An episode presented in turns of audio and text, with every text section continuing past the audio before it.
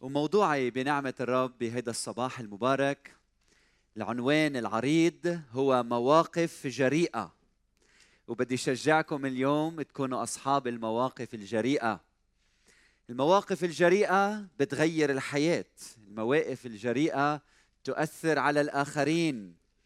المواقف الجريئة هي مواقف مقدسة. المواقف الجريئة تحقق مجد الله في وسطنا. وبنعمة الرب رح شارك معكم ثلاث روايات من الكتاب المقدس. وإنت وعم تسمح لهذه الروايات اسأل نفسك إلى أية رواية أنتمي؟ إلى أية رواية أنتمي؟ وأبدأ بالرواية الأولى. في قصة في الكتاب المقدس مشهورة جدا. قصة أنا متأكد إنكم كلكم بتعرفوها. هي قصة يوسف. يوسف صاحب الأحلام. يوسف ابن يعقوب ابن إسحاق ابن إبراهيم. إخوته باعوه للإسماعيليين المديانيين. وهن بدور باعوه لشخص مصري كان رئيس الشرط كبير الخدم في مصر. وهذا الرجل لما تعرف عليه ليوسف حبه ليوسف. وبسببه كان في بركة كبيرة في بيت هذا المصري. وكان يوجد شيء مميز بحياته ليوسف. ليس فقط إنه كان حسن الصورة وحسن المنظر مثلي بل أيضا كان إنسان ناجح في كل ما يقوم به. وسر نجاحه هو أن الله كان معه. الله كان معه. لدرجة إنه فوتيفار صاحب هذا البيت وجد نعمة في عينيه في عيني سيده فوتيفار يوسف فوكله على بيته وكله على بيته يعني هو صار الوكيل على كل شيء ودفع إلى يده كل شيء. يعني المواشي والغنم والبيوت والخدام كل شيء كان بين إيديه فلم يمسك عنه شيئا. كل الأشياء كانت بين إيديه ما عدا أمر واحد شيء واحد لا شخص واحد. إنسان مميز لا يباع ولا يشترى. هو زوجته امرأته امرأة فوتيفار. فكان له حق بكل شيء. ما عدا بهذه الامرأة زوجة فوتيفار. بقول الكتاب المقدس في سفر التكوين الفصل 39 والعدد السابع.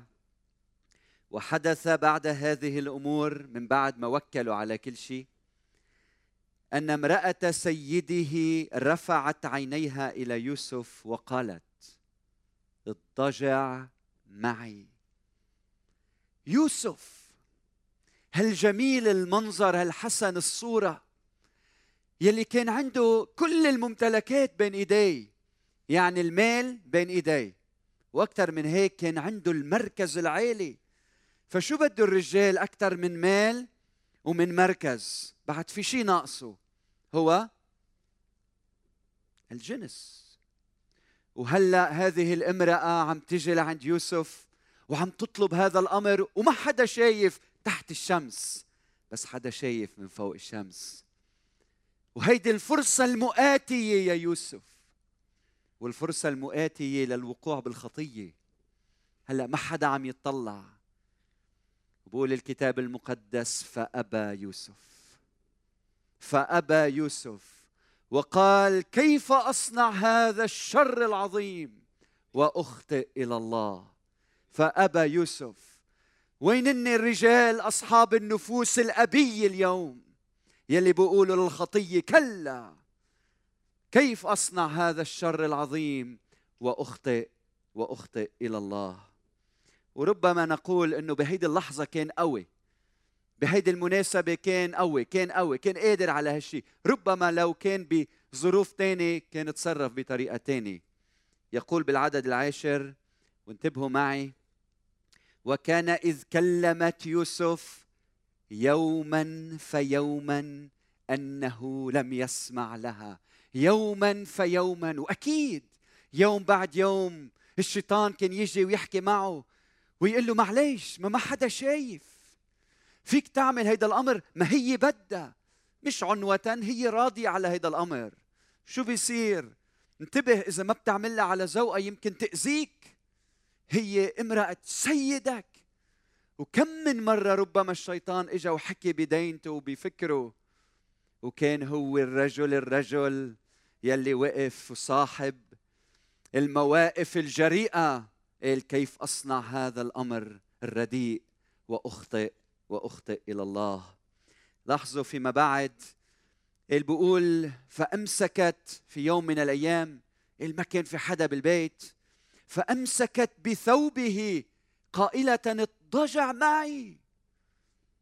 فترك ثوبه في يدها وهرب وخرج إلى خارج. وشو كانت النتيجة؟ أنه عوقب بسبب أمانته عوقب بسبب أمانته لم يكافئ بسبب أمانته. وهو يلي كان له المركز الأعلى. وجد في أس في أسوأ مكان في السجن. لكن وهو بالسجن. بالنسبة لنا كلنا كان له المقام الأسمى مقام الشرف لأنه ما قبل أنه يساوم على الحقيقة وحافظ على نزاهته واستقامته وحياته المقدسة. يا ليتنا كلنا اليوم نتعلم من حياة يوسف ومنعيش بقداسة قدام قدام الرب. شو هالقصة الجميلة جدا. وكلكم بتعرفوا نهاية القصة. كيف انه يوسف فيما بعد صار الأول من بعد فرعون. على كل مصر أعطاه سلطان. قال وخلع خاتمه فرعون ووضعه في إصبعه في يده ليوسف. أعطاه السلطان المطلق من بعده هو. فالرب يرى الرب يسمع بشوف أمانتك بشوف صدقك. كن أمين حتى النهاية والرب يكافئك. كن صاحب المواقف المشرفة. اسمعوا شو صار بالعدد عشرين من الفصل 39 قال فأخذ يوسف فأخذ سيده يعني سيد يوسف فأخذ يوسف سيده ووضعه في بيت السجن المكان الذي كان أسر الملك محبوسين فيه يعني أسوأ مكان. وكان هناك في بيت السجن. ولاحظوا مباشرة من بعد العدد 21 مكتوب ولكن الرب كان مع يوسف. يعني لو كنت بالسجن المهم شو؟ الرب معك وأنا بفضل كون بالسجن ويسوع معي من ما إني يكون عندي أعلى المراكز. ويسوع قد تخلى تخلى عني. هل ممكن لهذه الرواية انه يكون لها نهاية مختلفة؟ أنا وقاعد عم بتأمل بهالكلمة قلت أنا لو يوسف ما أخذ الموقف الجريء المقدس كيف كانت هالرواية ستنتهي؟ واخترعت اللفت رواية عن شخص مثل يوسف لكن ما كان أمين مثل يوسف. وشوفوا شو كتبت. قلت وكان إذ كلمت يوسف يوما فيوما أنه سمع لها واضطجع معها واستيقظ في الصباح الباكر وراح يتمشى على سطح البيت وينظر الحقول والمواشي شاعرا أنه يملك الدنيا له المال والمراكز ونساء العالم. ويقول في العدد عشرين ولكن الرب كان قد فارق يوسف في الليل. فالتفت يوسف حوله ورأى أنه امتلك الدنيا لكنه خسر نفسه. وبعد أيام.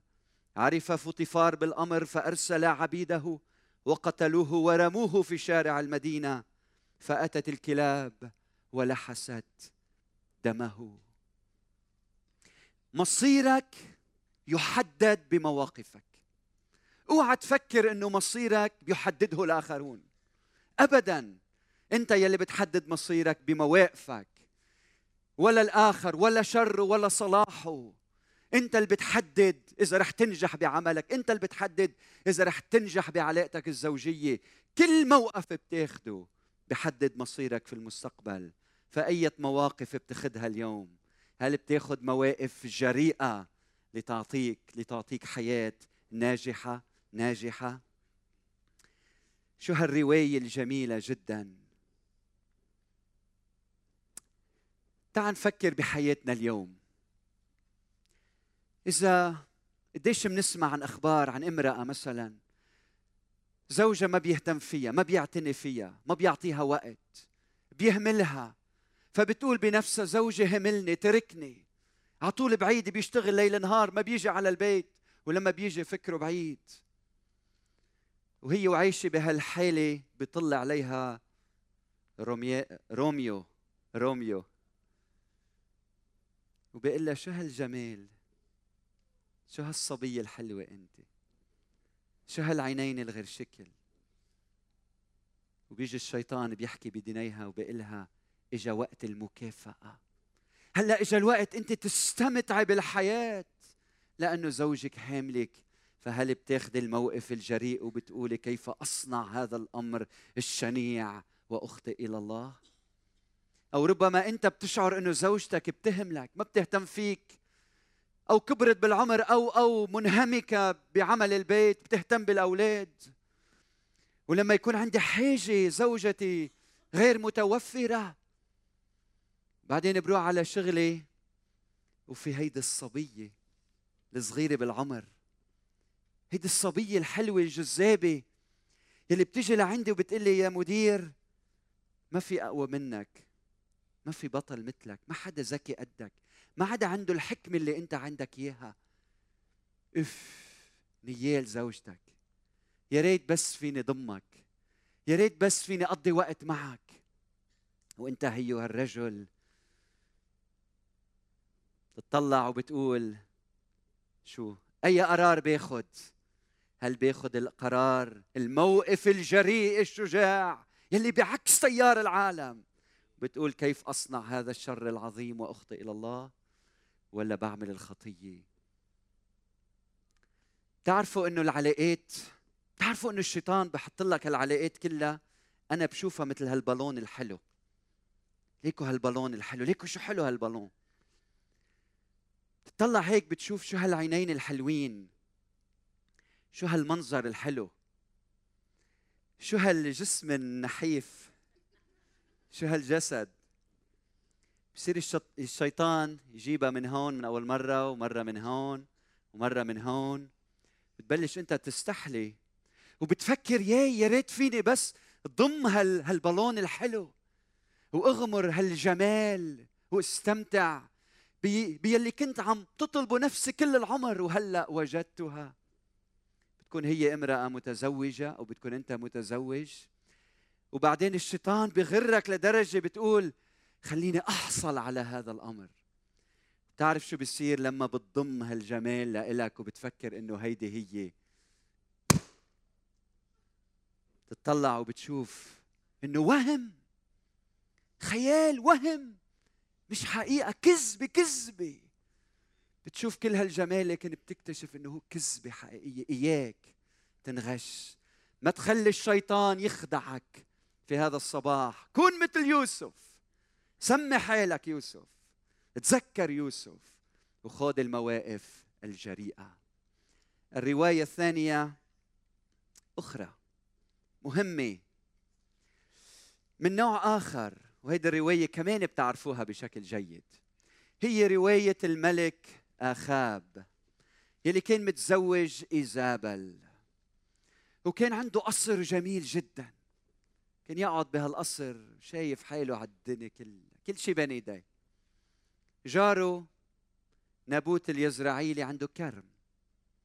كرم ورثه من بيه ومن جدوده. كرم منه بعيش وبربي اولاده فطلع عباله هذا الملك هذا الكرم. يا ملك عندك كثير شو بدك فيه لهيدا الكرم؟ بعت وراه لنابوت وقال له أعطيني كرمك. قال له هذا الكرم ورثته من بيي. وبيي ورثه من جدي وجدي من جدي من بيو. كيف بدي أعطيك هذا الكرم؟ ما فيني أعطيك هذا الكرم. فبيجي أخاب بيرجع على بيته على مملكته قالوا بينام على السرير وببطل يأكل مثل الأولاد الصغار الأولاد الصغار. فبتجي زوجته بتقول له لماذا روحك مكتئبة؟ شو بك زعلان يا ملك؟ ولك مين قدك أنت؟ مين قدك؟ ليش زعل مين مزعلك؟ فبخبرها الخبرية. فبتقول له معقول أنت ملك؟ أنت ملك على كل هالدنيا. ولا يهمك ولا يهمك. فبتاخذ ختمه وبتاخذ رسائله وبتكتب رسالة باسمه. وهو كان على اطلاع بنعرف هيك فيما بعد. وبيركبوا مؤامرة على هيدا المعتر نبوت اللي ما له صوت وما عنده حدا يسنده. وبيعملوا عليه مؤامرة. آخر شيء بيجيبوه في وسط المدينة جدف على الله ورجموه المعتر. فراح مات. فبتقول له ايزابل للملك لزوجها قم رث كرم نبوت والملك نازل لحتى يورث هالكرم. هالكرم. شو بيصير بتعرفوا؟ الرب بيبعت نبي إيليا النبي وبيقول بواحد ملوك 21 19 يقول النبي للملك بيقول له هل قتلت وورثت أيضا؟ ثم كلمه قائلا هكذا قال الرب في المكان الذي لحست فيه الكلاب دم نبوت تلحس الكلاب دمك أنت أيضا. شو جاوب أخاب لما قال له الملك؟ لما الملك أخاب شو جاوب النبي إيليا؟ قال له هل وجدتني يا عدوي؟ اعتذر. قال له هل وجدتني يا عدوي؟ فقال قد وجدتك لأنك قد بعت نفسك لعمل الشر في عيني الرب. يعني ربحت الأرض وخسرت نفسك. أما يوسف خسر ملذات العالم وربح نفسه. أي إنسان بدك تكون عليه اليوم؟ هالعمر يلي بتعيشه مرة وحدة وما بتعرف بأي لحظة تطلب نفسك منك. اي نوع حياه بدك تعيش؟ جريء في مواقفك ولا مثل هذا الخائن أخاب؟ هل ممكن لهذه الرواية رواية أخاب إنها كانت تنتهي بطريقة أفضل؟ أكيد. بتوقف على مين؟ على موقفك يا أخاب. وتصوروا معي وهلأ أنا كمان عم بتصور نهاية أخرى لأخاب كانت نهاية فيها موقف جريء. وكتبت وبينما تحاك مؤامره ضد نابوت وقف الملك وقال لإيزابل ووزرائه كيف نخطئ إلى الله ونفعل هذا الشر العظيم؟ لهذا القصر الواسع المديد فاتركوا له هذا الكرم الوضيع. شو هالموقف المشرف لو أخذته يا أخاب؟ لكن أخطأت يا أخاب. طب هل ممكن يا أخاب من بعد ما تكون أخطأت إنك تعمل شيء نعم. تصوروا معي حتى لو من بعد ما أخطأ. بدل ما يقول هل وجدتني يا عدوي يا ليته قال قد أخطأت إلى الله. يا صديق الحق يا ايليا ماذا ينبغي أن أفعل الآن لكي يسامحني الرب؟ يا ريت أخذ هذا الموقف. بدي أسألك بهيدا الصباح يمكن أنت ما تكون مثل يوسف لكن عندما تخطئ ماذا تفعل؟ هل بتعمل خطيه على الخطية لتستر الخطية؟ أو هل بيطلع صوتك بالعيلة على الناس لحتى تستر خطيتك؟ أو بتكذب وبتزور الحقائق وتخطئ أكثر فأكثر لتحمي حالك؟ ماذا تفعل عندما عندما تخطئ؟ بدي شجعك اليوم تكون صاحب المواقف الجريئة وتحكي الحقيقة وتعترف بخطاياك قدام الرب. طيب ما بين هيدي الرواية رواية يوسف ورواية أخاب هل في رواية أخرى؟ نعم. عندي رواية ثالثة خبركم إياها وكلكم بتعرفوها بشكل جيد. هي رواية الملك داوود جلالة الملك. ومين أعظم منك يا ملك داوود؟ الملك داوود كان يوم من الأيام نايم. بقول الكتاب وعي بالليل قام عن سريره وتمشى على سطح بيت الملك. وهو عم يتمشى شاف بهالليل مصباح مضاء وامرأة تستحم. قال وكانت جميلة المنظر جدا. بزيد الكتاب جدا. وهيدا الملك اللي ما حدا قده لما شاف هذه الامرأة أعجب بها. فراح سأل عنها قالوا له هيدي امرأة مين؟ أوريا الحثي فبعت وراها وإذا الملك بيقول لشخص تعا بيسترجي ما يجي. فوصلت هيدي الامرأة نعم يا جلالة الملك. ويقول الكتاب أنه اضطجع معها. وراحت إلى بيتها واكتشفت فيما بعد بأنها حبلى. فبعتت وخبرته للملك بأنها حبلى. فبيبعت وراها قبل ما يبعت وراها. بيعمل بحيك مؤامرة. مؤامرة قتل زوجها. كرمال يخبي خطيته. وبتعرفوا القصة؟ ومات هيدا الشاب المعتر. وبعدين بعت وراها وأخذها وصارت زوجة لإله. وفكر إنه انتهى الأمر. خلص ما حدا رح يعرف شيء مات بالحرب زوجة وأنا تزوجت هذه الامرأة.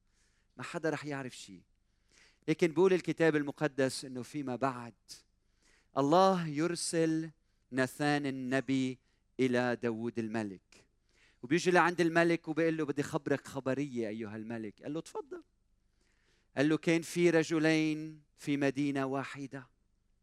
رجل غني جدا وآخر فقير جدا. هيدا الغني كان عنده مواشي ومزارع وغنم وخدم واللي بدك اياه غني جدا.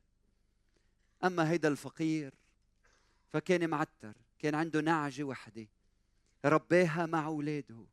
أكلت من لقمته وشربت من كأسه وكان يضعها على حضنه ويغنجها. قال وكانت كبنة له. ربيت معه حبة نعجة ما عنده غيرها. قال هيدا الغني لما أراد أنه يعمل مأدبة لأنه إجا لعنده ضيف بده يكرمه قال ما أخذ من ثيرانه ولا غنمه. قال راح وأخذ نعجة هذا الرجل الفقير. ولما سمع الملك اغتاظ وانزعج في الروح وقال حي هو الرب قال إنه يقتل الفاعل هكذا. ولما الملك بيقول حي هو الرب يقتل يلي عم يعمل هيك يعني بده يصير. نثان النبي بيطلع بالملك بكل جرأة وصاحب المواقف الجريئة وبيقول له أنت هو الرجل. وأكثر من هيك بيقول له هكذا قال الرب إله إسرائيل أنا مسحتك ملكا على إسرائيل وأنقذتك من يد شاول. العدد العاشر والآن لا يفارق السيف بيتك إلى الأبد لأنك احتقرتني وأخذت امرأة أوريا الحثي لكي لتكون لك امرأة لأنك أنت فعلت بالسر وأنا أفعل هذا الأمر قدام جميع إسرائيل وقدام الشمس لأنه أنا فوق الشمس.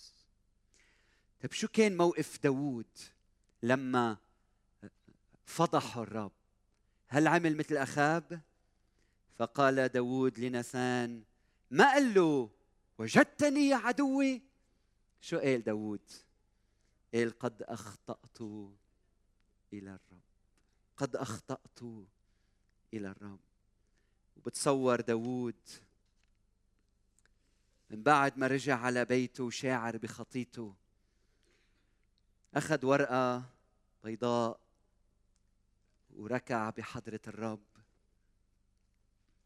وكتب هذه الكلمات. ارحمني يا الله حسب رحمتك حسب كثرة رأفتك أمحو معاصي.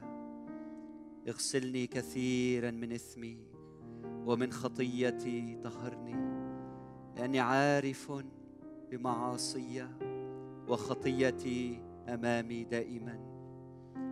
إليك وحدك أخطأت والشر قدام عينيك صنع.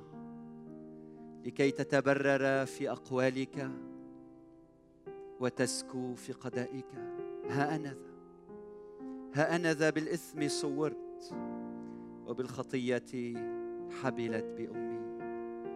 لقد سررت بالحق في الباطن ففي السريرة تعرفني حكمة طهرني. طهرني بالزوفه فأطهر اغسلني فأبيض أكثر من الثلج. أسمعني سرورا وفرحا فتبتهج عظاما عظام سحقتها. استر وجهك عن خطاياي وامحو كل آثامي.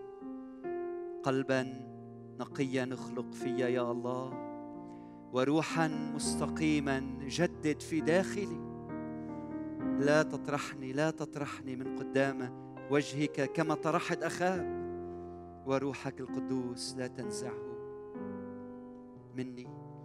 رد لي بهجة خلاصك وبروح منتدبة أعضدني فأعلم الأثم طرقك والخطاة إليك يرجعون. ذبائح الله روح منكسرة. القلب المنكسر والمنسحق يا الله لا تحتقره